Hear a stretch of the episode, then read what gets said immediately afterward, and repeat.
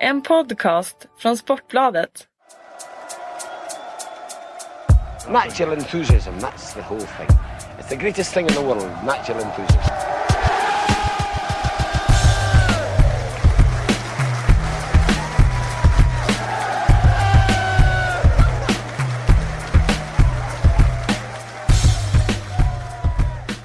Hej och välkomna till veckans PL-podd. Eh, Fredrik Jönsson har med sig Erik Niva och Johan Lindestam. Välkomna! Tack, tack. Tack. Vad har ni för tankar efter de här dagarna som har gått? Det är torsdag idag. Vi har haft ligacup och eh, vi har haft, eller FA-cup och vi har haft eh, CL. Ja, nej, men det är väl svårt att inte sitta fast i tanken på att det behövs en ordentlig obduktion av liket som de engelska klubbarna har lämnat efter sig i Europaspelet. Det var ju Chelsea som eh, gjorde en eh, nästan oöverträffat dålig insats igår och det var ju annars klubben man trodde skulle kunna uträtta någonting från Premier League den här säsongen. Så jag känner att jag är liksom fast lite i de tankebanorna och funderingarna kring vad fan det är som har hänt och vad det är som pågår egentligen. Utveckla! Oj! ja, hur lång tid har vi? Frågar jag och konstaterar att de här poddarna brukar väl hålla på sig sådär en timme. Och det där är ju verkligen något som man kan anfalla, angripa från alla möjliga håll och kanter. Men jag vill i alla fall börja och säga att jag tillhör inte den där skaran som på något sätt håller på Premier League jämfört med andra ligor. Det är inte viktigt för mig att de engelska klubbarna gör bra resultat i Europa. Det är inte viktigt att eh, Premier League rankas högre enligt Uefas koefficient. Eh, men det som är viktigt för mig är att eh, de engelska klubbarna någonstans lyckas förbli sig själva. Att ligan på något sätt är sann mot vad den har varit. Och jag tycker liksom det är så jag mäter kvalitet i en liga. Jag spelar ingen roll ifall Fiorentina slår Dortmund eller ifall Athletic Bilbao vinner över Lyon. Det är liksom inte det som avgör om den tyska, italienska, franska och spanska ligan mår bra. Utan det är känslan av huruvida det finns substans kvar i ligan.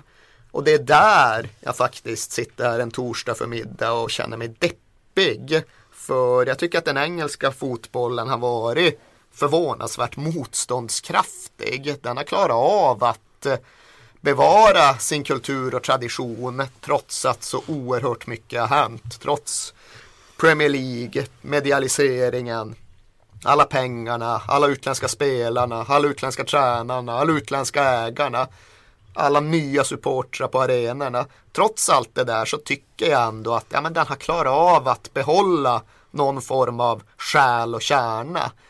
Men när jag sett de engelska klubbarna i Europaspelet i år då har jag verkligen fyllts av den här känslan att nej fan nu har vi passerat någon gräns. Det finns ju ingenting kvar längre. Och så enkelt är det inte och den känslan kommer försvagas när det blir ett par bra ligamatcher till helgen. Men det är ändå någonting med det där. Att allt har blivit så ihåligt att det inte finns någon ryggrad kvar längre. Och man märker det i de här matcherna. Det är ju en vana nu för tiden att eh, bortaklubben, den utländska klubben kommer till en engelsk arena och fort, fullständigt sjunger sönder den.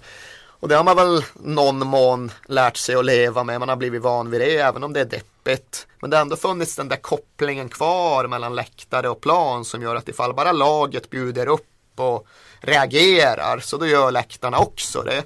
Men nu ser jag på de engelska topplagen och konstaterar att där finns det ju inte längre kvar just den här ryggraden och den här kärnan som jag tjatar om. För det var inte så värst många år sedan som man ändå kunde titta på Manchester United och konstatera att de alltid hade kvar sin tradition. Nu tittar man på Manchester United och de har det de själva beskriver som två akademispelare på bänken. Men det är då Adnan Januzaj som kom från Belgien i de mellersta tonåren. Det är Rafael som kom från Brasilien ganska högt upp i tonåren. Det är de som räknas som akademispelarna. Och även om man liksom, jag gillar ju Phil Jones, jag tror han kan bli en framtida kapten, så ser jag inte kärnan, ryggraden, traditionsbäraren i Manchester United. Jag gör inte heller på samma sätt i Chelsea. För där var det liksom att med Terry och med Lampard och med någon mån med Ashley Cole och de, de hade skola in i Drogba och Check och sådär. Ja men självklar ryggrad. Nu är Terry kvar och har fått Cahill bakom sig. Men även där, det saknas en kärna i laget. Arsenal, ja de skulle promota sin British core. Och ja, vad hade ni? Ni hade Oxlade Chamberlain på plan senast. Och det var väl det. Bytte in Callum Chambers, det var väl det ja. Manchester City ska vi inte ens snacka om liksom. Det är Joe Hart i mål och ja, kompani har ju blivit någon form av adopterad ledare. Men även där känner jag att ja, det är ihåligt. Det finns ingen substans kvar i de här lagen. Och nu är inte allt så enkelt att det alltid ska utgå från de egenfostrade, att de på något sätt är moraliskt överordnade i alla lägen. Men eh, det är lite den här, jag går med känslan av att den sista bastionen har rämnat. Nu har det kommit hela vägen ner på planen. Det här med att de traditionella värdena har urholkats. Nu finns det liksom ingen engelsk toppklubb med en riktig kärna, en riktig själ kvar. Och det känns nedslående i synnerhet som det då också ger avtryck på planen. Att det verkligen är det intrycket man får när man ser de här lagen spela. Och det är därför jag känner mig lite, lite smådeppig den här morgonen. Inte för att PSG var mycket bättre än Chelsea. Sånt händer liksom. En toppklubb slår en annan. Uh, ibland går den ena ligan resultatmässigt bättre än den andra. Det är ju nödvändigt. Det är det som gör det intressant. Men just den här krypande känslan av att uh, kanske har vi till slut passerat punkten där den engelska fotbollens innersta kärna faktiskt riskerar att ha gått förlorad.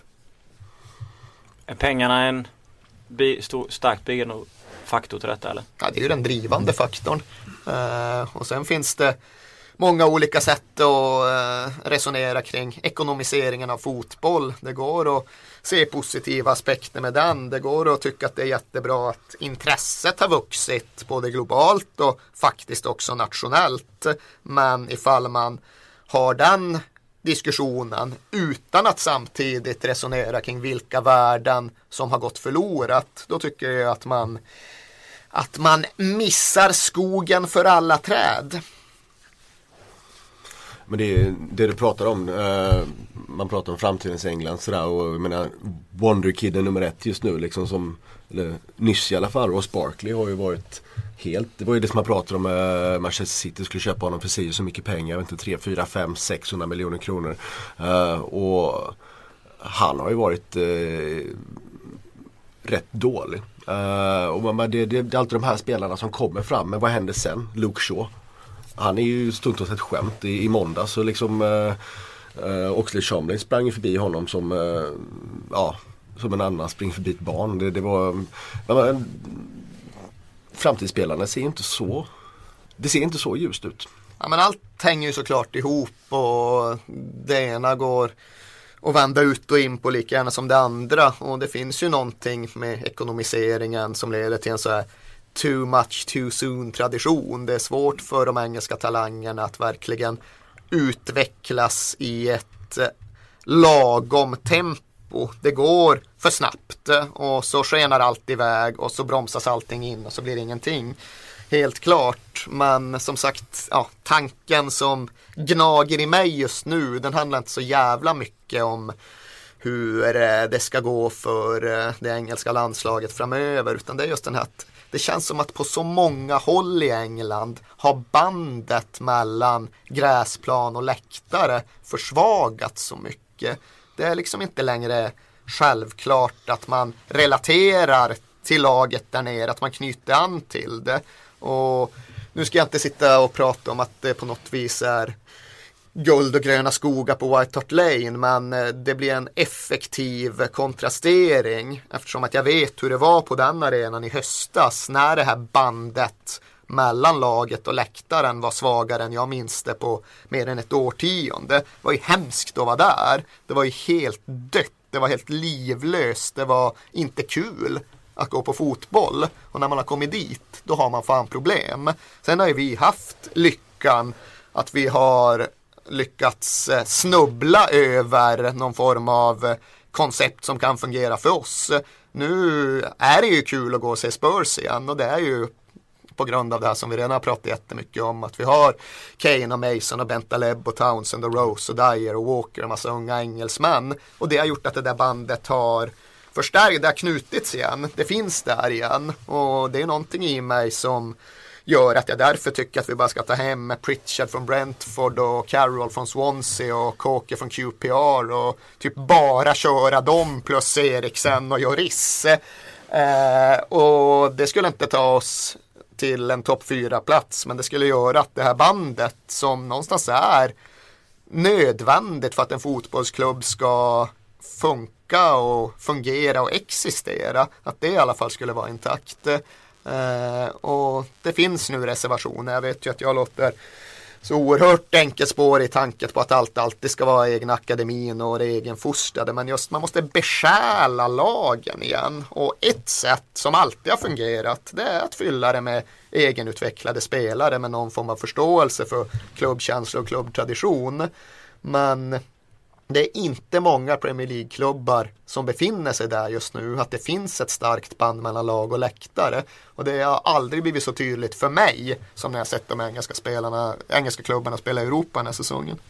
Det är ju ganska signifikant hur du pratar om eh, matchen mellan United och Arsenal. Den enda United-breeden eh, liksom spelar eh, Welbeck eh, som avgjorde matchen för Arsenal. Som skickades iväg från United för att komma in en holländsk tränare som säger ju ain't good enough. Vi ska ha en colombiansk världsspelare istället. Ja. Och hur bra gick det?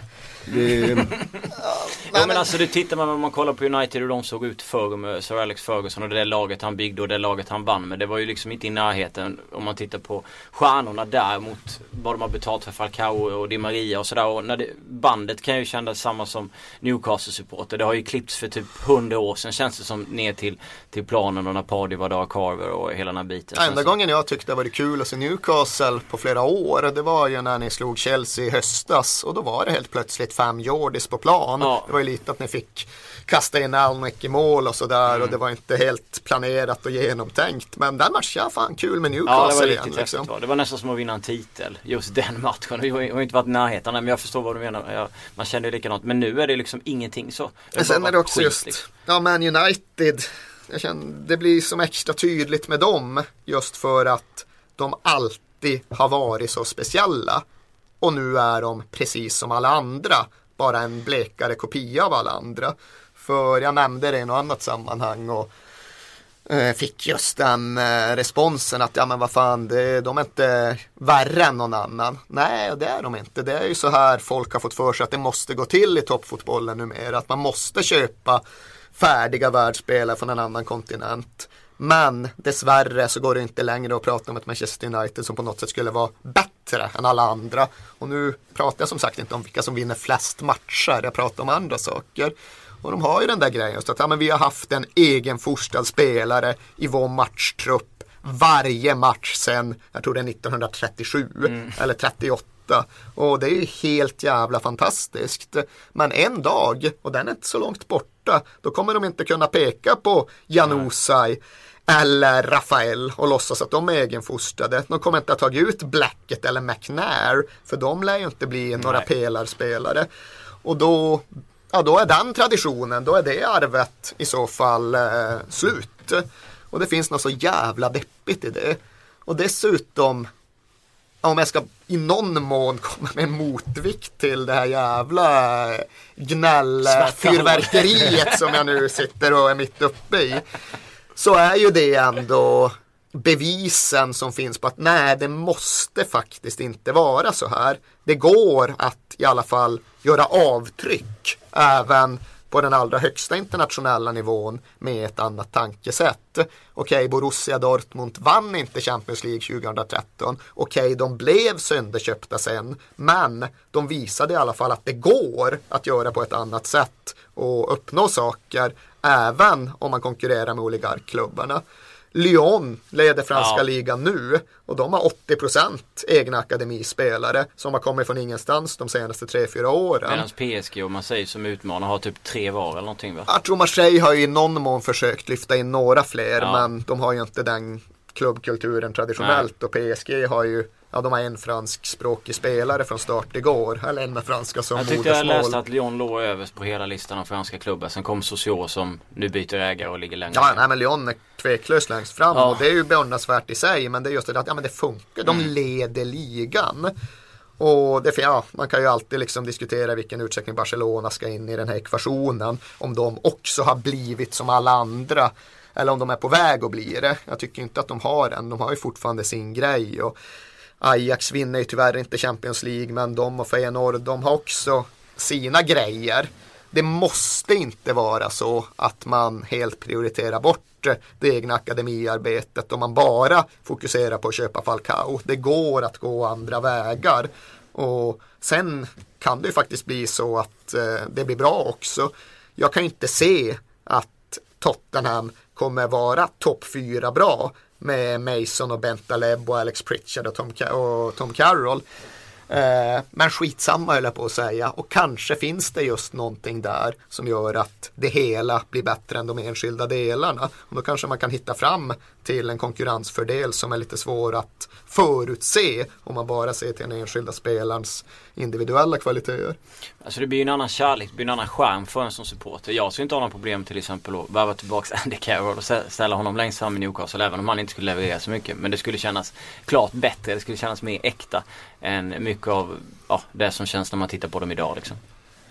Ja, sen är det ju det där att jag vet ju hur det blir och jag vet ju hur man är. Att det är lätt att säga när det ändå går dåligt. Att ja, ska det lika gärna gå dåligt då kan det i alla fall gå dåligt på ens eget sätt.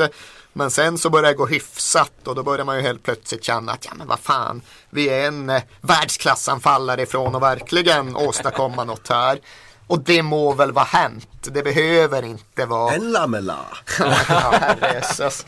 Soldado. Ja, för fan. Apropå saker som förstör mer än de tillför. Men ja, man behöver väl inte vara extremistisk. Jag inser att jag kan rätt lätt bli extremistisk bara för att jag i någon mån vill ha en pendelserörelse i en andra riktningen. Jag kan liksom tycka att det finns ett idealtillstånd i tanken på elva egna. Men visst, det behöver inte vara elva egna. Men det vore i alla fall bra för alla tror jag, även för lagen i fråga med en kärna, en ryggrad, en stomme av spelare som kan representera, som kan förstå en klubb, som kan bära någonting vidare. Snarare än att det bara är inhämtat och ena dagen spelar man där och andra dagen spelar man någon annanstans. Så den ena klubben är precis samma sak som den andra. Då är det ju franchises och när man har kommit dit då har man förlorat det mesta. Det är lite det som gör att en annan då känner lite oro. Jag, jag vet inte, var är Jack Wilshere då till, till exempel på väg med sin karriär, med sin fotboll? Eh, för han är ju det, det mesta man kommer, han är ju mest Arsenal i, i, i Arsenal. eh. Carl Jenkinson är mer, men tillhör Ja, men han är ju West Ham just nu så att, eh, men han tillhör fortfarande Arsenal. Ja, jo, det, han är utlånad sådär. Eh, Ja, han är ju, hans farsa är väl så hardcore man kan bli om jag förstår saken rätt. Men, men om man ser som truppen som finns nu, men, men det, det, för några år sedan, han var mot Barcelona Champions League, han var liksom man of the match, var hur bra som helst, för inte fyra år sedan.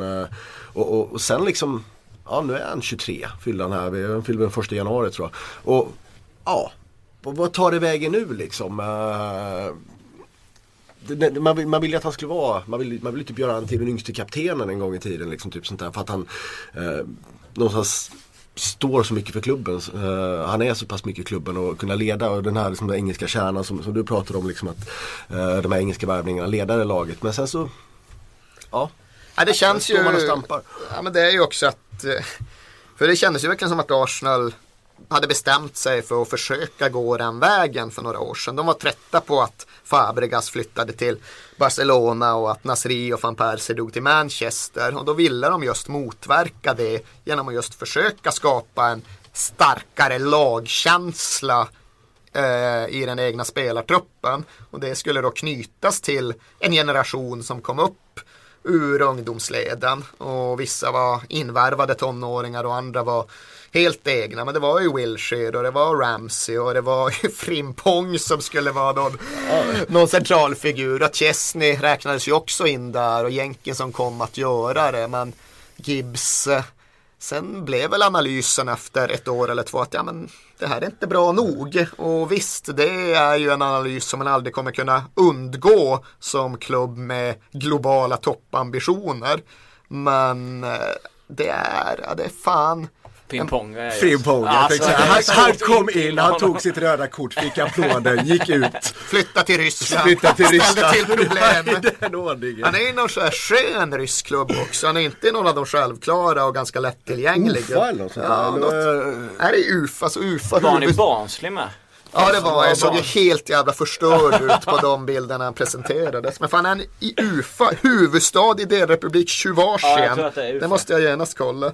Eh, Jag kan... Eh... Vem Ah. googlar snabbast? Han twittrar ju lite, det, det är där det roligaste att följa just nu. Jajamän, han alltså. spelar fan i Ufa. Ja, Ufa, vilket ja, men- då är alltså huvudstad i delrepubliken Tjuvasien. Det tycker jag alla ska lägga på minnet. Ja, den karriären gick inte riktigt den vägen som man kanske Nej men det är svårt att inte älska honom för att Ja, han är ja. den typen av eh, profil som han ändå var. Liksom. Ja, you will get frimponged. Ja, Frimpong. precis.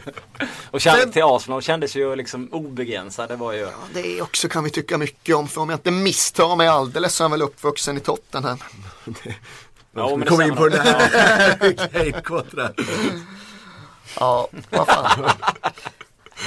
Så Googla fram den här Frimpong i en gammal Tottenham-tröja från när han var sex år gammal. Ja, och, det, och det känns jävligt viktigt för oss Ja, att, vi måste att göra en den sortens statement. Vi måste ha den. Nej, det har ju funnits en diskussion just under alla de åren då Tottenham både har varit halvdanna och profillösa. Att fan det är liksom inte nog med alla andra problem. Därtill håller vi på att tappa lokalsamhället, närområdet runt arenan. För det finns ju det där med att området runt Tottenham, precis som området runt West Ham, har ju ändrat karaktär de senaste generationerna. De som traditionellt sett höll på de här klubbarna har flyttat ut till förortsbältena, till de norra förorterna i vårt fall och till Essex i West Hams fall. Och det har kommit in en ny befolkning istället ifall man ska göra det lätt för sig. Och den befolkning som har flyttat in runt White Hart Lane för dem har det inte varit självklart att hålla på Spurs utan det har ju varit ganska ofta att man har varit i de kvarteren och sett småbarnen, frimpong-typerna springa runt med Arsenal-tröjor. Och det har ju fan inte känts rätt och det hoppas jag att klubben kommer till rätta med på ett, ett annat, ett tredje sätt. Ett kan vara att bygga en ny arena och regenerera området. Ett annat kan vara att ha, och ha en Harry Kane som är 10 000 mål och kommer från den egna akademin. För att eh, spelare ska räknas in. Jag skrev ett knäck om det här. Vilka klubbar som har sålt mest sen sommaren 2012. Där toppade Southampton på 830 miljoner för Luke Shaw, Chambers och eh, Lalana. Eh, och akademi är ju alltså om man har gjort tre säsonger i en klubb mellan när man är mellan 15 och 21 års ålder. Vilket gör att man skulle kunna varva mängder med unga talanger som typ Chelsea när de är 16 och så spelar de där några år och sen så blir de talanger. Och sen är det, totalt är det de franska klubbarna som säljer mest. Eh, Det, det är ju, ap- apropå det du eh, nämner Southampton här, eh, som gjorde det fantastiskt förra året med ett lag som verkligen hade ryggraden. Alltså, Absolut. så nära eh, har ju fortfarande gjort det bra den här säsongen Ja, men att- med inköpta, ja. Ja. har de ju liksom förstärkt. De har ju klarat Nathaniel Klein och de här liksom. Eh, men, men många av, av förstärkningarna har ju kommit utifrån. Det har kommit in en Mm. holländsk tränare också, Koman, och köpt, liksom plockat eh, Pelé liksom. Han har plockat, eh, Mm. ja men Men ryggraden byggdes ju ändå med andra spelare. Det är också att Ja. deras uttalade vision, deras arbetsmodell går ju ut på att bygga eget och bygga underifrån. Men vid extrema tillfällen så får man ibland ta till extrema lösningar. Och jag köper det att ifall man nu blir av med 5-6 ryggradsspelare under en sommar, då går det inte bara att slussa in 17-åringar underifrån. Då måste man liksom korttidsfixa det med att värva in. Men de har ju ändå fortsatt sina försök att få in spelare underifrån. För det är så de säger att de ska jobba. Target har ju fått spela, Harrison Reed har fått spela, Sam Gallagher har väl i och för sig varit skadad mycket men har väl i alla fall fått några minuter. Så jag hoppas att de kan stå fasta i detta. För även om jag är full av beundran för hur de har löst den här säsongen och eh, tycker att de ska hyllas alldeles oavsett om de nu faller ifrån och blir 7-8 så känner jag ju inte lika starkt för det Southampton som kanske kommer sjua i år jämfört med det Southampton det är som sant. kom sjua i fjol. För där var det ju dels det här gänget som hade varit nere med Southampton i trean. Lalana mm. och Ricky Lambert och Schneiderlin. Men sen också det här gänget som hade spelat tillsammans sedan de var 12-13 år. Luke Shaw, James Ward-Prowse och Callum Chambers och de killarna. Så det var ju ett Southampton som var så jävla lätt att tycka om. Nu är det fortfarande en klubb med en tankeprocess som jag gillar väldigt mycket. Men just det här A-laget, det är ju charmigt för att de är bra och för att de överträffar oddsen. De är ju inte charmiga för att de egentligen är byggd, byggt på något annat sätt än några andra Premier League-lag. Det är Englands hopp kanske i framtiden. Southampton och Spurs, det är där vi står.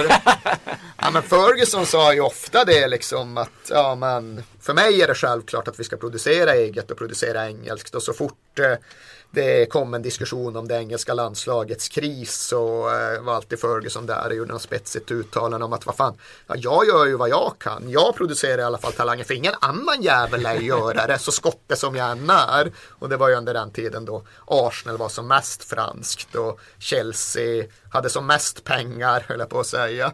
Eh, och nu är inte Ferguson där, nu har inte Manchester United kvar samma kraft i sitt ungdomstänk. Och visst, det är klart att frågan är ju då vilka som ska producera engelska landslagsspelare. Är det Southampton? Ja, Spurs vet jag inte riktigt, det känns vi har snubblat över det där mer än något annat. Eller är det Everton med Barkley och Stones och Luke Garbutt och dem?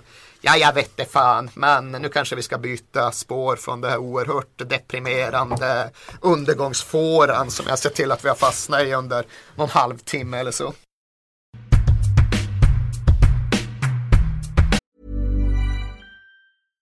Want flexibility? Take yoga. Want flexibility with your health insurance? Check out United Healthcare Insurance Plans. Underwritten by Golden Rule Insurance Company, they offer flexible, budget friendly medical, dental, and vision coverage that may be right for you. More at uh1.com.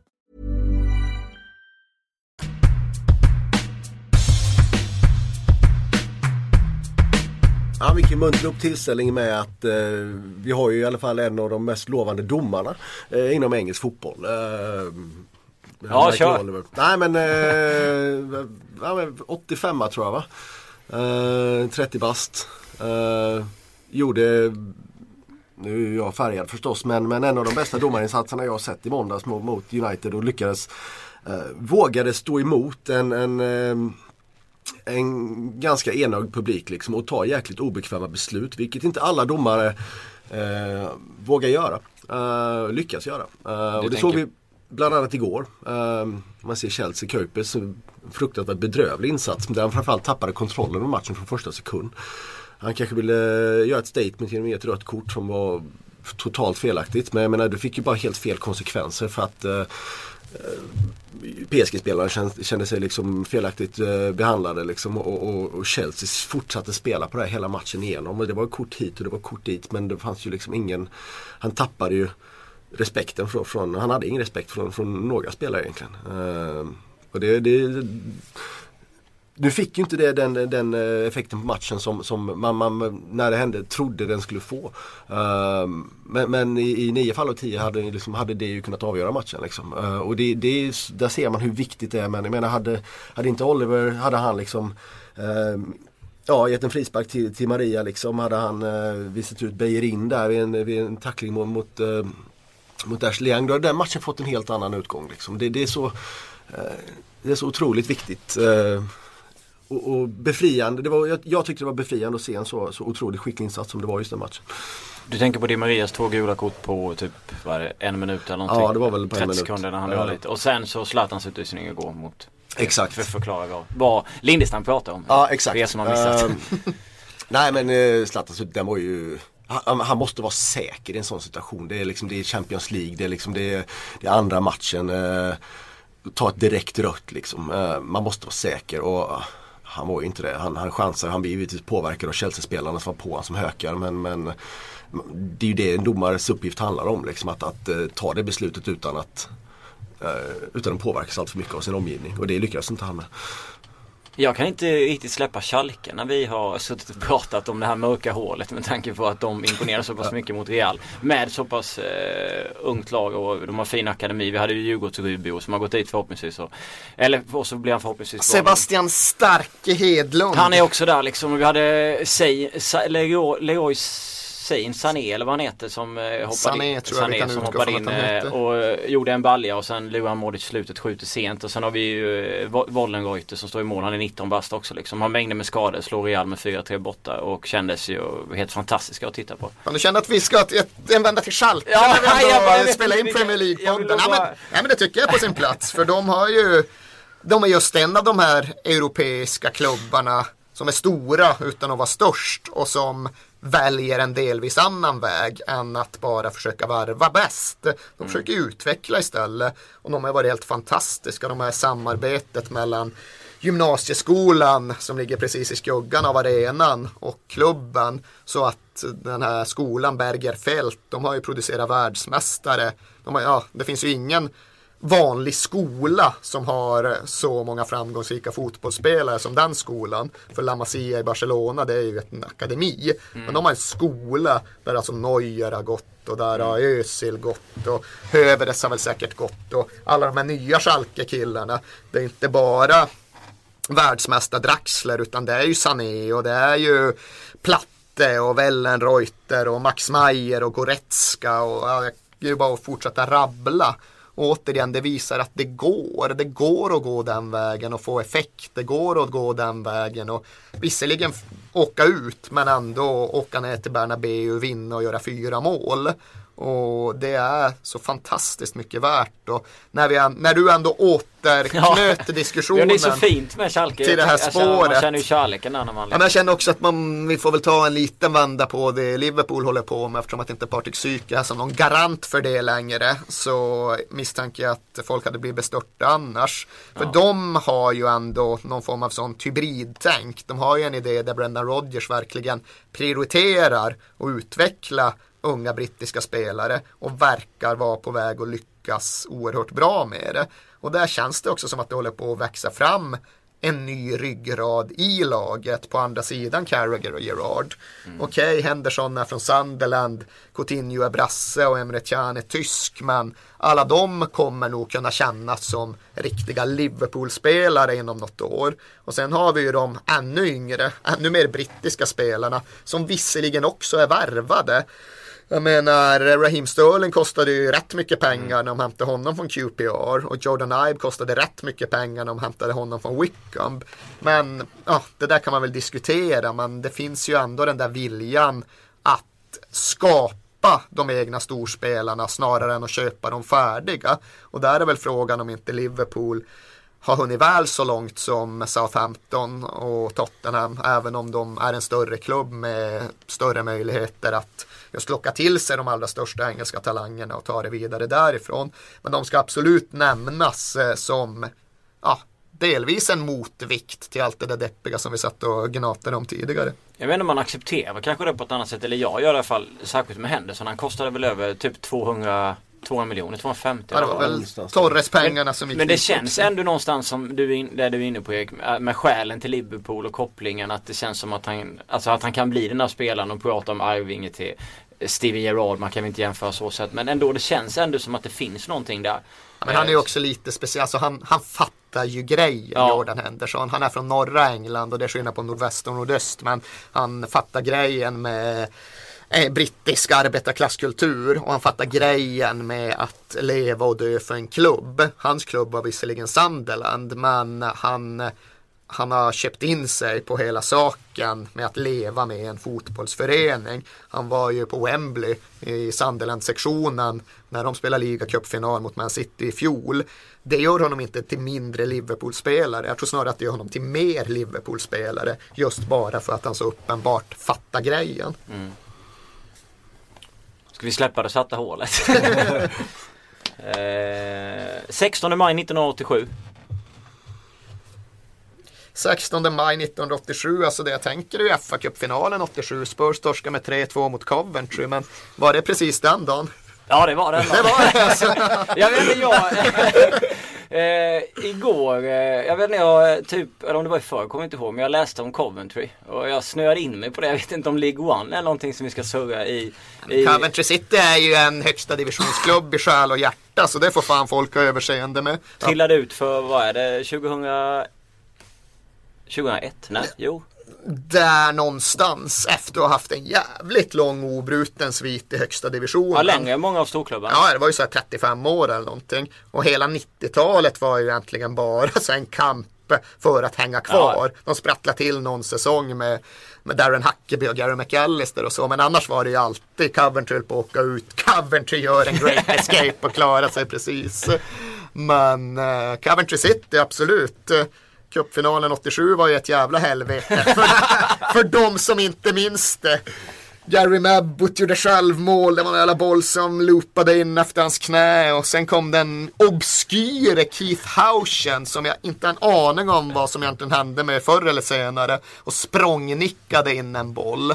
Och det var ju den där typen, det var inte Tottenham-Chelsea i ligacupfinal mars 2015. Det var inte så att jag utgick från att det var en förlust. Det där var en sån match som man som naiv åttaåring trodde att Tottenham skulle vinna. Och därför var det inte det minsta kul när de sen inte gjorde det. Följer ni klubben mycket idag? Mycket och mycket. Jag, är Jag liksom... kan inte påstå att jag gör det i allt för stor utsträckning just nu. Ja, men jag håller ju koll på dem så tillvida att jag vet vad de har tvingats gå igenom. De har ju verkligen blivit fånge i den moderna fotbollens allra smutsigaste maskineri. Det var inte nog med att de blev av med gamla klassiska Highfield Road och fick flytta till den här nya, eh, exakt, eh, en arena bland arenor som ser ut som alla andra liksom. Helt själ och karaktärslöst utslängd på någon jävla parkering vid en stor marknad. Men ändå Coventry Citys arena Fram till det att det inte var det längre. Fram till det att de hamnade i någon oerhört tröttsam jävla ägartvist mellan det oerhört tröttsamma multinationella konglomerat som har köpt klubben och kommunstyret. Och allt det där fick ju den helt bizarra följden att Coventry City efter mer än hundra år inte längre kunde spela sina hemmamatcher i Coventry. De spelade i Northampton på deras arena, sådär fem mil bort. Och det där är ju så symboliskt viktigt så att det verkligen höll på att döda klubben. Uselt hemmafacit. Ja men de höll ju på att gå ja. under för några år sedan. Eftersom att folk fullt av, jag verkligen sympatiserar med den hållningen. Att vi tänker fan inte åka till Northampton för att se Coventry spela för att ett smutsigt jävla målvaktsföretag skrivet på typ Bahamas ska få en bra deal.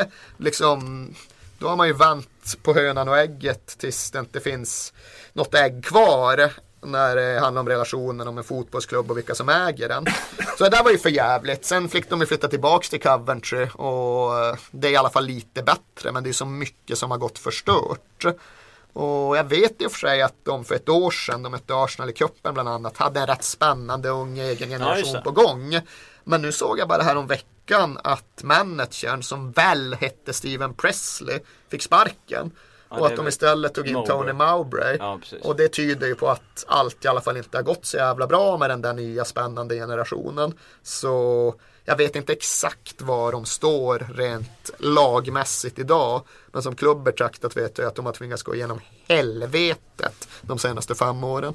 Och de har ju, de hade väl mer bortafans än hemmafans under den här Northampton-tiden som jag fattade det. Att det var ju liksom nästan tre, fyra gånger så många som åkte på deras bortamatcher Ja, ja. de slog något så här. Alla slår alltid publikrekord när de har MK Dons borta. För de har en stor arena som de inte Ja. fyller. Så det är mycket platser. Men Coventry hade med sig typ 10 000 fans till MK Dons borta. Så Bristol City hade med sig typ 10 000 fans till MK Dons borta nu också. Jag vet att det är andra klubbar som också haft så här extrema bortaföljen dit. Men för Coventry var det ju så generellt och konsekvent. De hade alltid fler supportrar Ja. på bortamatcherna än på hemmamatcherna. Men det är väl det ena. Om vi ska ha ett litet Coventry-tema så är det ju sen deras 90-tal som ändå är det andra. Där de stundtals var rätt sköna. De hade ju Hackerby som en sån här Ja, ja. irrationell, eh, sevärd typ. De hade McAllister som eh, visserligen vann ligan med Liverpool och som slog in frisparkar från lång, eller vann ligan med Leeds och slog in frisparkar från långt håll med Liverpool. Men jag tror han hade sina bästa år nästan i Coventry. Och innan dess Peter Ndloov, den oerhört irrationella, vad var han? Var han från Zambia eller Zimbabwe? Jag tror han var från Zimbabwe. Och extremt sevärd. Liksom i början av 90-talet fanns det två spelare som dribblade i den engelska högsta ligan. Det var Ryan, Giggs och Peter Ndloov. och han var alltid jävligt kul att titta på den killen. De hade ju en, ett par svenskar. Ola Nilsson. Mange Hedman. Magnus och- Thomas Antonelius. Som Och- väl då fortfarande hette Gustafsson antar Ja. jag mig. Ungdomsproffs Per Fahlman också. Jaha, så där. Det, det var jag inte klar över. Jo, han eh, spelar faktiskt fotboll i mitt lag här i Sverige i division 7 för något år sedan. Som utespelare. Han vill inte vara målvakt längre men han var väl där eh, något år. Nej men nu ligger de ju i alltså, skit till i, i League One. Det är ju, jag tror de har tre lag under sig och är ja, nedflyttningsplatsen där. Ja, men det är verkligen allt som har förstörts med deras ägarsituation, deras arenasituation. Det går inte bara att reparera över en Nej. kvart. Utan de kommer ju verkligen vara lidande under lång tid framöver. De är inte längre samma klubb som de var för bara 5-7 år sedan. Och det är så jäkla deppigt att konstatera. Eh, ja, jag vet inte exakt vart det där tar vägen. Jag hoppas det går bra. Jag befarar att det inte gör det. Utan att man får sitta och tänka nostalgiskt ifall man ska känna något bra för Coventry. Man får sitta och tänka på Steve Ogrizovic, målvakten som alltid var över 40 men som ändå aldrig gick att peta. Kom målvakt på målvakt, det var ändå Grisovic som stod. Vad var Magnus Hedman? Nej, det blir Grisovic. Hedman lyckades väl till slut ta den där tröjan när Grisovic började närma sig 50. Men sen kom ju Chris Kirkland från andra hållet och då var det problem igen för Hedman. Jag känner att vi är bittra. Ja, jag skulle precis säga det, välkomna till en munter torsdag med Premier League-podden där. Jag var uppe till Coventry med Spurs någon gång, vad kan det vara, hösten 97. Förlorade med 4-0 och Grisovic i mål. ah, fy fan. Ja men det är ändå, alltså jag, alltså jag kan inte låta bli att bli bitter på det sättet när man tittar liksom eh, bakåt i tiden hur det såg ut när man växte upp och hur det ser ut idag liksom. Att det kändes som att det fanns så mycket mer själ och så mycket mer kärlek förr än vad det är idag. Det är så mycket pengar så att man liksom har förlorat lite av det om man går och är bitter dag in och dag ut och sen så blixtrar man till lite ibland när det är en eh, Schalke-tisdag mot Real Madrid eller något liknande liksom och sen så ja. Ja men så är det ju generellt. Det är ju hela mitt liv, eller i alla fall hela mitt yrkesliv. Går ju ut på att kämpa mot de här känslorna. För de flesta dagar så är jag inte lika liksom, rationellt styrd som jag är idag. De flesta dagar tycker jag ju det är kul med fotboll. De flesta dagar tittar jag framåt och tänker att fan Spurs kanske kan få ett kryss på lördag ändå. Och då är man ju nöjd och glad i tanken. Men det krävs ändå att jag gör en medveten ansträngning för att bejaka det och för att tänka lite extra på Schalke 04 och på Lyon och på hur kul det var när Coventry var kul snarare än att bara ägna mig åt den här andra analysen som kommer att göra mig deppig. Ja. Den är nedslående och den är relevant. Den är grunden för hur hela fotbollsvärlden fungerar idag. Men den är inte allt. Det är liksom lätt att fastna i det att man tycker att eh, den måste vara alenarådande eftersom att den styr så mycket. Men det finns ju fortfarande saker kvar. Det finns andra klubbar i Coventrys liga som fortfarande är rätt mycket samma klubb som de var på 90-talet. Det är ju det som är poängen med mycket av fotbollen i de lägre engelska divisionerna. Att där har ju inte förändringen gått lika snabbt. Utan där kan man ju kolla på en klubb som, inte fan vet jag, Oldham Athletic eller ta vad som helst ur hatten. Och det är typ samma sak att gå till Boundary Park idag Jo. som det var att gå dit 1988. Men just i Coventry är det ju inte så. Just där har vi verkligen en klubb som har förstörts till 20, 40 eller 70 procent beroende på hur man ser på saken av hela det jävla maskineriet som vi sitter och gnatar om. Ja, det måste vara vidrigt att flytta iväg men de kommer tillbaka där någon, det var väl hösten eller vintern 2014 som var tillbaka på hemmaarenan. Tog en seger fullsatt och det var sjukt bra stämning liksom. Eh, Och så gick det en vecka och sen var det deppigt. det igen.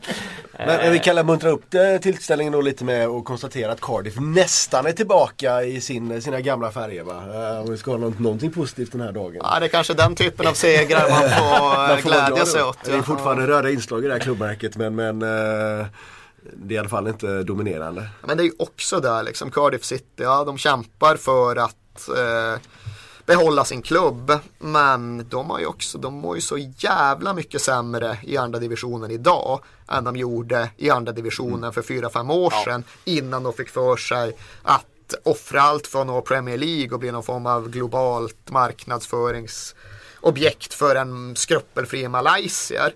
Alltså visst, de fick en säsong i Premier League och de slog väl Swansea i första hemmaderbyt men hur mycket var det värt?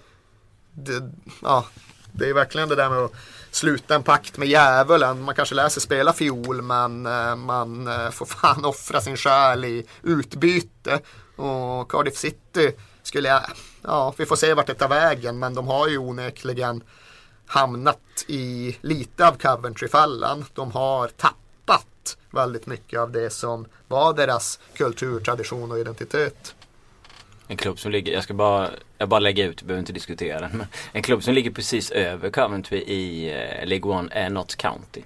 Med tanke på vad som var på gång där en gång i tiden med eh, och Svennis. Svennis och, och så vidare. Jag vet inte riktigt vad som hände där. Men alltså blev de kvar de skojarna efter att Svennis och Sol Campbell drog? För de var ju tydligen rena jävla bluffmakare. Men jag vet inte om de var där tillräckligt länge för att fucka upp den klubben fullständigt. Nu noterade jag bara lite sådär med ett öga att eh, Sean Derry, den gamla QPR-spelaren som eh, är en riktig äkta Notts County-man var tillbaka som manager för Notts County. Jag vet inte fan hur han blev manager över en natt. Han var halva mittfältare för en kvart sedan. Men det kan vara detsamma. Jag tror nog att för en klubb som Notts County gör det dem jävligt gott att ha Sean Derry som manager. Eh, har några goda minnen från Tottenham eh, Manchester United? Oh, jag trodde du skulle fråga Tottenham Notts County. Och det, det var en fråga jag inte ville ha. Nja, Tottenham Man United, det har ju varit, eller Man United Tottenham om man vänder på det, den match som ska spelas, den har ju blivit lite kul igen. För vi hade ju en av alla våra förbannelser runt Old Trafford. Gary Lineker skruvade in en boll där 92 kanske och då vann vi. Och sen efter det vann vi aldrig. Spelar ingen roll vad vi gjorde, spelar ingen roll om Roy Carroll fumlade in eh, Pedro Mendes bollar från halva plan i 90 Det blev ändå inte godkänt. Vi vann ändå aldrig. Men sen har det ju hänt något. Vi har ju nu fått för oss att vi ska vinna det hela tiden. Nu har vi vunnit det två år i rad. Och det är ju ganska bisarrt. Det är man ju uppvuxen med att det är mer eller mindre omöjligt. Men vi har ju de där matcherna. Dels den där 3-2 matchen som väl i hög utsträckning var en Bale-match. Och sen förra säsongen när Sherwood precis hade tagit över. Och det egentligen var första gången vi slungade in Harry Kane och Bentaleb i elden och lyckades manövrera hem en eh, ganska ologisk 2-1 seger. Men ja, det är ju de två färskaste minnena från Old Trafford. Arsenal och West Ham för din del din lista? Ehm, inte på rak arm alltså. Jag var inne på att tänka United där just nu faktiskt. Ja men kör du, du får ju svara på den om du vill också. Nej, men, ja, det, det, det, det, är svårt att, att komma ifrån. Det var väl första segern borta på Trafford här, det var inte nio år eller någonting va? Det var väl typ Adebayor, var det inte det som avgjorde senaste? Men det vet du bättre än jag gör. Om jag inte minns helt fel va? Eh, En Arsenal West Ham vill jag prata om istället. Ja. För visst har ni dem hemma nu? ja. Det absolut bästa minnet för en Arsenal West Ham-match. Och nu får folk förlåta mig ifall de tycker att jag är osmaklig. Det ger jag fan i just det här sammanhanget. Men det var ju, ja vad fan kan det vara, 6-7 år sedan kanske det har hunnit bli nu. När West Ham tar ledningen och Arsenal är helt desorganiserade. Mycket beroende på att en viss Sol Campbell är så jävla förvirrad och så jävla liksom frånvarande att han bara sticker från arenan i paus var det väl. Och sen syns han inte till på typ tio dagar. Eller ja men det var då. Ja, Jag tror att West Ham vann matchjäveln till slut också. Men eh, jag, jag förbehåller mig rätten att tycka det var synnerligen underhållande där Sol Campbell var så jäkla frånvarande från allt vad fotbollsplan hette. Att han bara drog från gamla Highbury och försvann i samband med West Ham, Ars- Arsenal West Ham. Måste kolla om det var han. Så att jag vill påpeka att det är fullständigt omöjligt att mäta sitt minne med den här mannen bredvid. Alltså, det, Ja men nu sitter jag just och dubbelkollar så att jag inte har mycket fel Soul kring det. Camp. Men, han tar väl alla chanser han kan få här. Vi kanske skulle köra en timme Soul Camp special. Alltså då skulle vi riskera både den ena och den andra PO-fällningen.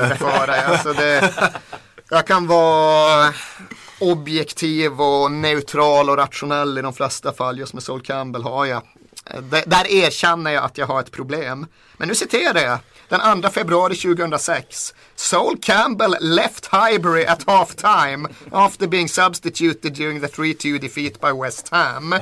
och om jag inte minns fel är just att det som inte den här BBC-artikeln förtäljer. Att sen han, han var försvunnen i, ja, säkert en god vecka liksom. Men han var väl inte riktigt i fas då va? Det, det var ju- har ju pratats det var om psykiska det. besvär och, och Just det, ja. ja, han eh, psykopsykolog och det ena och det andra. Ja, nej, jag, jag, jag förbehåller mig rätten att vara osmaklig här. nu har ju Sol det- Campbell, Det är helt okej. ja, nu har ju Sol Campbell gått in i ytterligare en av sina mer egendomliga perioder. Nu har han ju efter då och haft sitt bittra halvår där han egentligen bara satt och gnällde om att han borde ha blivit landslagskapten. nu gått in i fasen när han har fått för sig att han ska bli Tory-politiker. Han, jag tror han tr- tror sig bli borgmästare eller något i den stilen. Han är, han är fast förvissad om att det är den riktningen Han har tagit ett vettigt beslut i sitt liv den mannen och det är flytta gratis till Arsenal sen så oh, nu kan det bli obehagligt här inne känner jag. Nej, det blev helt tyst. Ja, ja, ja, ja, ja, jag zonade ut. Jag satt och läste om den här West Ham-matchen. Vad sa du? Nej det var Du hörde inte eller? Nej, det gjorde jag helt ärligt Nej, inte. då får ju Linus som upprepa sig. Nej jag sa att han har väl tagit ett vettigt beslut i sitt liv den mannen och det är att flytta gratis till en station bort. Nu ska jag inte sitta och, jag eh, jag ska inte sitta och uppmuntra till destruktivitet. Men ja, hur bra var det där? Blev hans liv lyckligare av det beslutet? Nej det blev det, det blev det nog inte. Men han var i alla fall delaktig i eh, ett av mina bästa United-minnen och det är väl eh, Old Trafford eh, 2003 måste det vara. Som jag bodde i, i Norge och var på sportbar där när Ole Gunnar Solskjaer spelade i United och jag var ensam på den här jävla sportbaren som höll på Arsenal. Helt, helt jävla solo.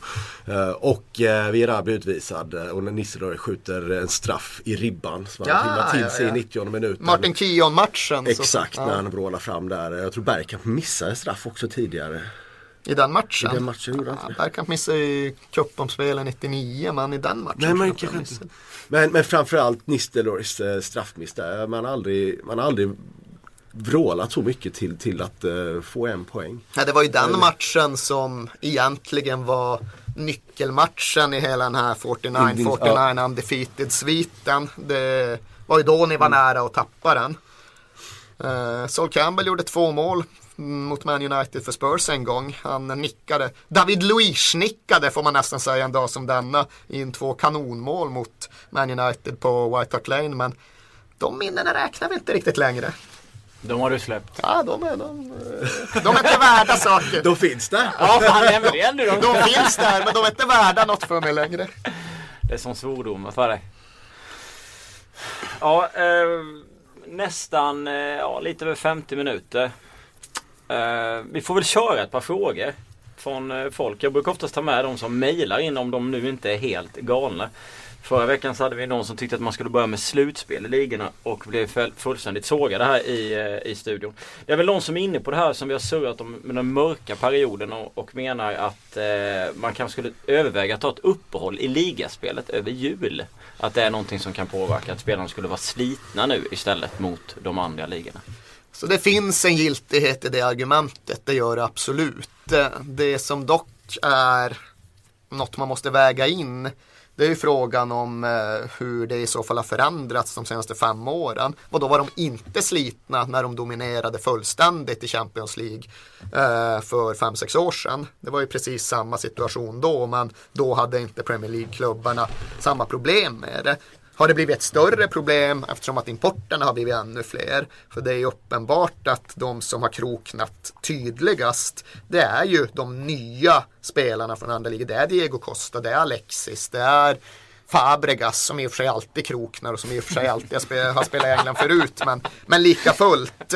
Det är Matic med också en eh, engelsk erfarenhet men inte en särskilt stor sådan. Jag vet inte men det är liksom inte det är inte hela förklaringen eftersom att det gick bevisligen för fem år sedan och nu går det inte längre. Och jag tror att det hade varit sportsligt bra. Det tror jag. Jag tror att de engelska klubbarna hade haft lättare att hävda sig i Europa. Jag tror att landslaget hade haft lättare att hävda sig i mästerskap. Men jag är ändå motståndare till det. Just eftersom att det viktigaste för mig är inte att de engelska klubbarna vinner matcher i Europacupspelet. Det viktigaste för mig är att den engelska fotbollen förblir den engelska fotbollen. Och där betyder det något för mig att de spelar på Boxing Day. Att den traditionen hålls vid liv. Att det finns någon form av känsla av att eh, det finns traditioner och värden som inte är styrda av någon form av intäkts eller vinstmaximering. Går, går det att hitta en, en, ett sammanhang mellan att faktiskt varit ett VM-år som vi har bakom oss, eh, apropå att man just då kanske att, att folk blir lite slitnare, liksom, att de, det tar ett tag innan de kommer in i det och, och uh, att man ett sånt år kanske skulle behöva lite vila. Inte för att man ska ha det men att, eh, kan det ha en betydelse för att, att det inte går så bra just i år? Det är fullt möjligt. Det låter inte orimligt. Nu har jag just inte tänkt den tanken så att jag kan jämföra med hur fan det var efter VM 2006. Då var ändå Liverpool i Champions League-final ja. och de slog väl ut Chelsea i semin och ja, det var tre av fyra engelska lag i semi. Ja, det var det året. Ja. Året 2007. Så, ja, det, det håller väl inte hela vägen i alla fall men det, det, kan, ja, det kan nog vara en faktor. Jag tror det är bättre att vi inför rejäla julfester. Att de super ner sig rejält kanske och får liksom en blackout och sen så kör Rensa huvudet. Ja, Rensa ut kropparna på slaggprodukter. Det kanske är en bättre bättre väg att gå runt jul för att få lite Och så får vi lite mer att skriva och måste bli lite mer surr och lite mer skandaler och så känner man igen den engelska fotbollen lite mer istället. Ja, det där är ju också, det är i och för sig något som är medialt ganska tröttsamt. Jag tycker att eh, det blir väl eh, sökt och väl förutsägbart just den här redaktionstanken som jag vet att vi fastnar i så fort det blir december. Nu jävla gäller det att hålla utkik efter vad som händer på julfesterna för det blir alltid bra drag och sånt är jäkligt kul. Men det slutar ju numera alltid med att man sitter och återanvänder de gamla skrönorna från förr. Oj, oj, kommer ni ihåg när Mjällby hamnade i finkan efter att Celtic hade varit i Newcastle? Och kommer ni ihåg när Stefan Schwarz jagade? Det var i och för sig, det var nog fan inte i samband med julfest, men kommer ni ihåg när Chelsea kastade dvärgar? I år kommer vi ihåg, för det var ytterligare ett sånt där tillfälle när man får tillåta sig att vara osmaklig ifall man ska skrocka med. Men det blir väldigt mycket det där att man sitter just och minns hur det var förr. För det är inte så längre. Nu för tiden så går det ju i bästa slash värsta fall att hitta någon som har råkat slå huvudet i någon karm när de har varit lite skakiga. Mer än så blir det ju liksom inte. Vi går ju alltid tillbaka till förr, det är där vi sitter här. Nu pratar vi bara om hur det var förr och så gnäller vi på hur det ser ut idag. Ja, ja och det, det finns ju dessvärre fog för det. Ja. Eh, mängder med frågor här. Jag måste ju ta någon känner jag och sortera bort en hel del. Eh, en lite märklig fråga från Rickard A. Om jag skulle liksom trycka ihop två tränare för att få den perfekta tränaren. Då blir det ju att man väljer så här tes och antites och tror att man får syntes i mitten. Ja. blir det ju som Mourinho och Guardiola. eller något sånt. Eller ja, vad fan kanske Wenger och Klopp ifall man ska ta något lite mindre förutsägbart. Men typ någon, liksom någon lite mer kanske estet taktisk och visionär och någon lite mer energisk och resultatmaximerande eller något sånt där. Simeone med, vem ska vi ta Simeone med? Någon väldigt stillsam herre. Ja det får det ju bli. Simeone och Lasse Lagerbäck.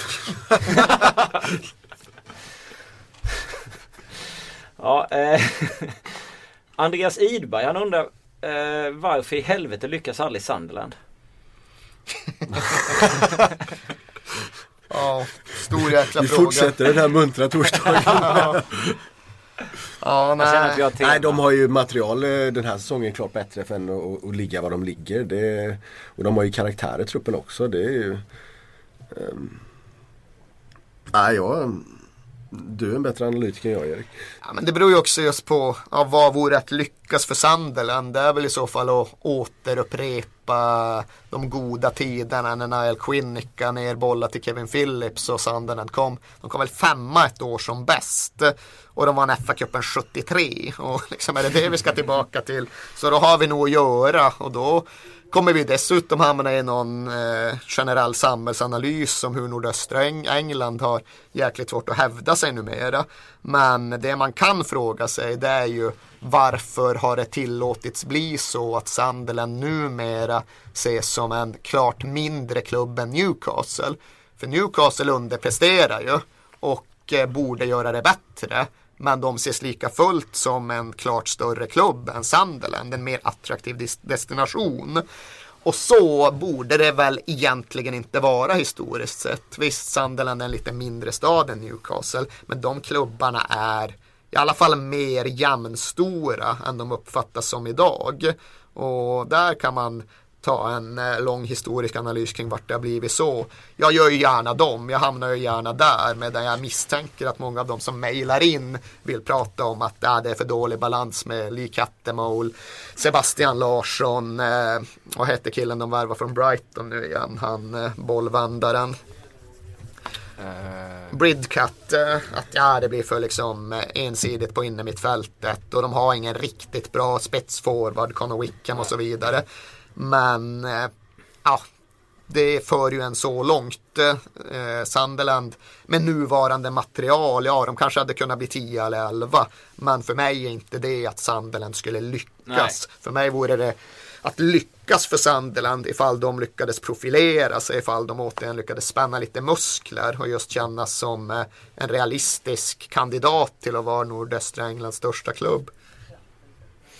Elias Johansson, Lindestam du får fråga på den, eller svara på den här, du är Arsenal. Eh, Coquelin och Giroud, hur högt håller du dem?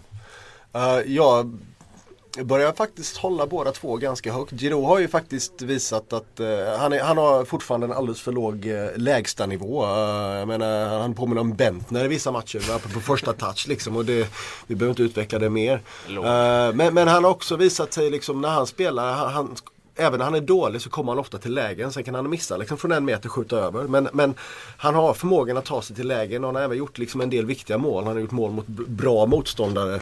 Uh, och liksom ligger nu sådär liksom att han, han kan liksom toucha uppemot 20 mål på en säsong. Liksom. Och, och han, uh, nej men han, han, han, jag håller han ganska högt liksom. Sen inte på, på samma nivå som liksom världens absolut bästa bästa forwards. Men, men eh, han ligger bra till. Och Coquelin tycker jag faktiskt eh, eh, vet, man, kan inte, man kan aldrig dra för snabba slutsatser. Han kom liksom in precis innan julschemat där liksom. Men har gjort det fantastiskt bra och har fortsatt göra det väldigt bra i match efter match efter match. Två år till uh, så är han i UFA. Ja, det, det, det, det, är ju din uppenbara förhoppning. Vi pratade om det vid något tillfälle. Men jag menar han, han, han är mot alla motståndare har han gjort det riktigt jäkla bra. Uh, I regel liksom. Han var skitbra nu i måndags. Uh, alltså och då är han ganska ensam ändå som liksom den, eh, den, den, defensiva balanspjäsen. Liksom. Eh. Men, men vinner mycket boll och hög, bra passningsprocent. Eh, springer alltid som en av de en av, en av de springer längst i hela laget. Och, och jag menar han får en, han nickar ihop, det var, det var väl fan vad det inte var med Giroud till och med. När han bröt näsan där liksom. Eh, och sen några minuter senare, han spelar vidare. Sen så får han ju en liten putt och får bollen på näsan liksom. Och matchen efter han tillbaka liksom. Och då får han en ny smäll på näsan liksom. Uh, kör vidare. Han, karaktär. Uh. Ja, karaktär han absolut. Och jag uppfattar det som att jag tror jag tror inte han själv kände så då. Men jag tror att han vann jäkligt mycket på ett år i Freiburg. För det är en oerhört bra utbildningsklubb. Christian Streich som är manager där kan verkligen förädla råämnen. Och det gick dåligt för Coquelin där. Han eh, fick ju knappt spela och han var usel när han gjorde det. Men jag tror lika fullt att eh, det var mynt som trillade rätt eh, ner i korrekta fack där. Det var ju poletter som ramlade på plats. Och när de väl gör det då kan det bli en ganska rak utvecklingskurva som eh, sätts igång. Och jag tror som sagt att han, han eh, gynnades väldigt mycket av det i året. Det är ett eh, ganska ovanligt karriärsteg för en ung Premier League-spelare men jag tror att han hamnar helt rätt där. Men det är också, Coquelin visar ju någonstans faktiskt hur, hur fruktansvärt begränsad Flamini är. För att man får ett helt annat spel med honom på planen än vad man fick i, i höstas innan, eh, innan han kom tillbaka från, från sitt lån. Um, Sen så är han ju liksom, finns som, det, är ju inte Matic liksom. Men, men, eh, men han, han, eh, tillför, eh, han tillför väldigt mycket och han har varit ganska avgörande för att det ändå gått ganska bra på sistone. Liksom. Jag tror inte att vi hade vunnit mot United borta liksom, nu, nu i, i måndag som vi inte hade haft, haft med honom. Liksom. Att han, han har en, en, en fysisk närvaro samtidigt som han kan spela fotboll som, som behövs. Speciellt mot bra motståndare. Eh, fått mail eh, och annat om det här med firandet. Vi har snackat om det också Lindestam. Eh, David Luiz firade mot Chelsea. Welbeck firade mot eh, United. Eh, vilket Erik pratade om också i Vesat-studion vid det tillfället. Huruvida det var rätt eller fel och, och så vidare. Men eh, Finns det någon generell grej för det där? Vad som man kan anse vara rätt och när firar man och när firar man inte liksom mot en före detta klubb? Jag tycker man får, alltså gör man ett viktigt mål det, det är ju gått lite troll det är lite fånigt. Det är klart som fan man ska få fira. Man är ju glad. Det blir liksom lite så teatraliskt åt andra hållet. Att man ska visa att Signy, liksom, man ska verkligen visa respekt. Uh, jag tyckte det var otroligt befriande att se, se upp, av uppenbara orsaker, se Welbeck fira. Liksom. Men han var ju inte, han firar ju för sig själv och med sina medspelare. Han firar ju inte mot någon publik. Han var ju inte provokativ. Uh, inte som Adebayor. Och han, han, han, han, nej, alltså där har du ju det typexemplet på liksom när, när det liksom, okej, okay, eh, han, han tvingades väl lite bort från Arsenal eftersom de fick jävligt bra betalt för honom liksom till, till City. Liksom. Men jag menar, att springa, göra liksom en maxlöpning. Han har aldrig sprungit så snabbt någon match. Ja, det är det bästa lag. han har gjort i sin fotbollskarriär. alltså, det är tveklöst. och liksom glida mot borta liksom, på det sättet. Det, ja.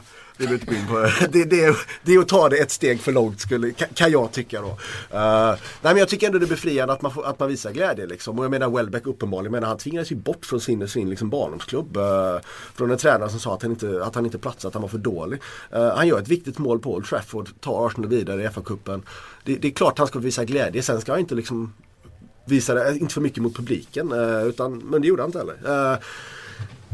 David Luiz bad väl om ursäkt igår efter matchen för att han firade liksom och, det är sådär shit. Vi snackar om en jäkla Champions League-match liksom. Uh, ta sig vidare, PSG ska, ska äntligen ta sig vidare. Det är hans nya klubb liksom. Det är klart han ska få fira. Och sen tror jag också att det ligger lite med att David Luiz och, och, och det, Costa uh, verkar inte gå så jäkla väl ihop. Uh, Armbåge i ansiktet det, det är mycket däremellan liksom. Så att, och det var ju förra matchen också liksom. Mm. Att, att det, det, liksom, det bildas, han känner givetvis sympatier med, med uh, med Chelsea som klubb men jag tror inte att han kände, alltså eh, det finns eh, en otrolig glädje i att slå ut vissa delar av Chelsea. Liksom. Det är alltså, och, och, han firade, det är samma sak där, han firade men han firade liksom inte provokativt mot någon annan. Och, och jag, jag, tycker fan man ska få fira liksom.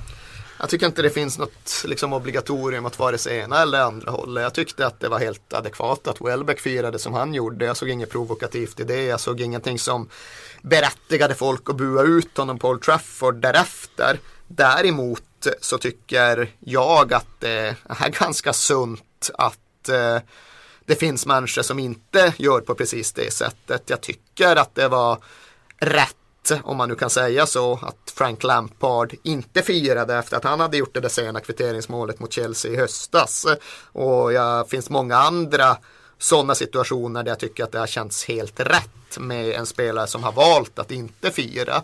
Men eh, som sagt, det är inte så att det alltid är fel att jubla, att det alltid är fel att inte jubla. Jag tycker framförallt att det ofta är värt mycket när det finns en spelare som i alla fall väger in vad supportrarna känner, vad de står för, vart allt utgår ifrån.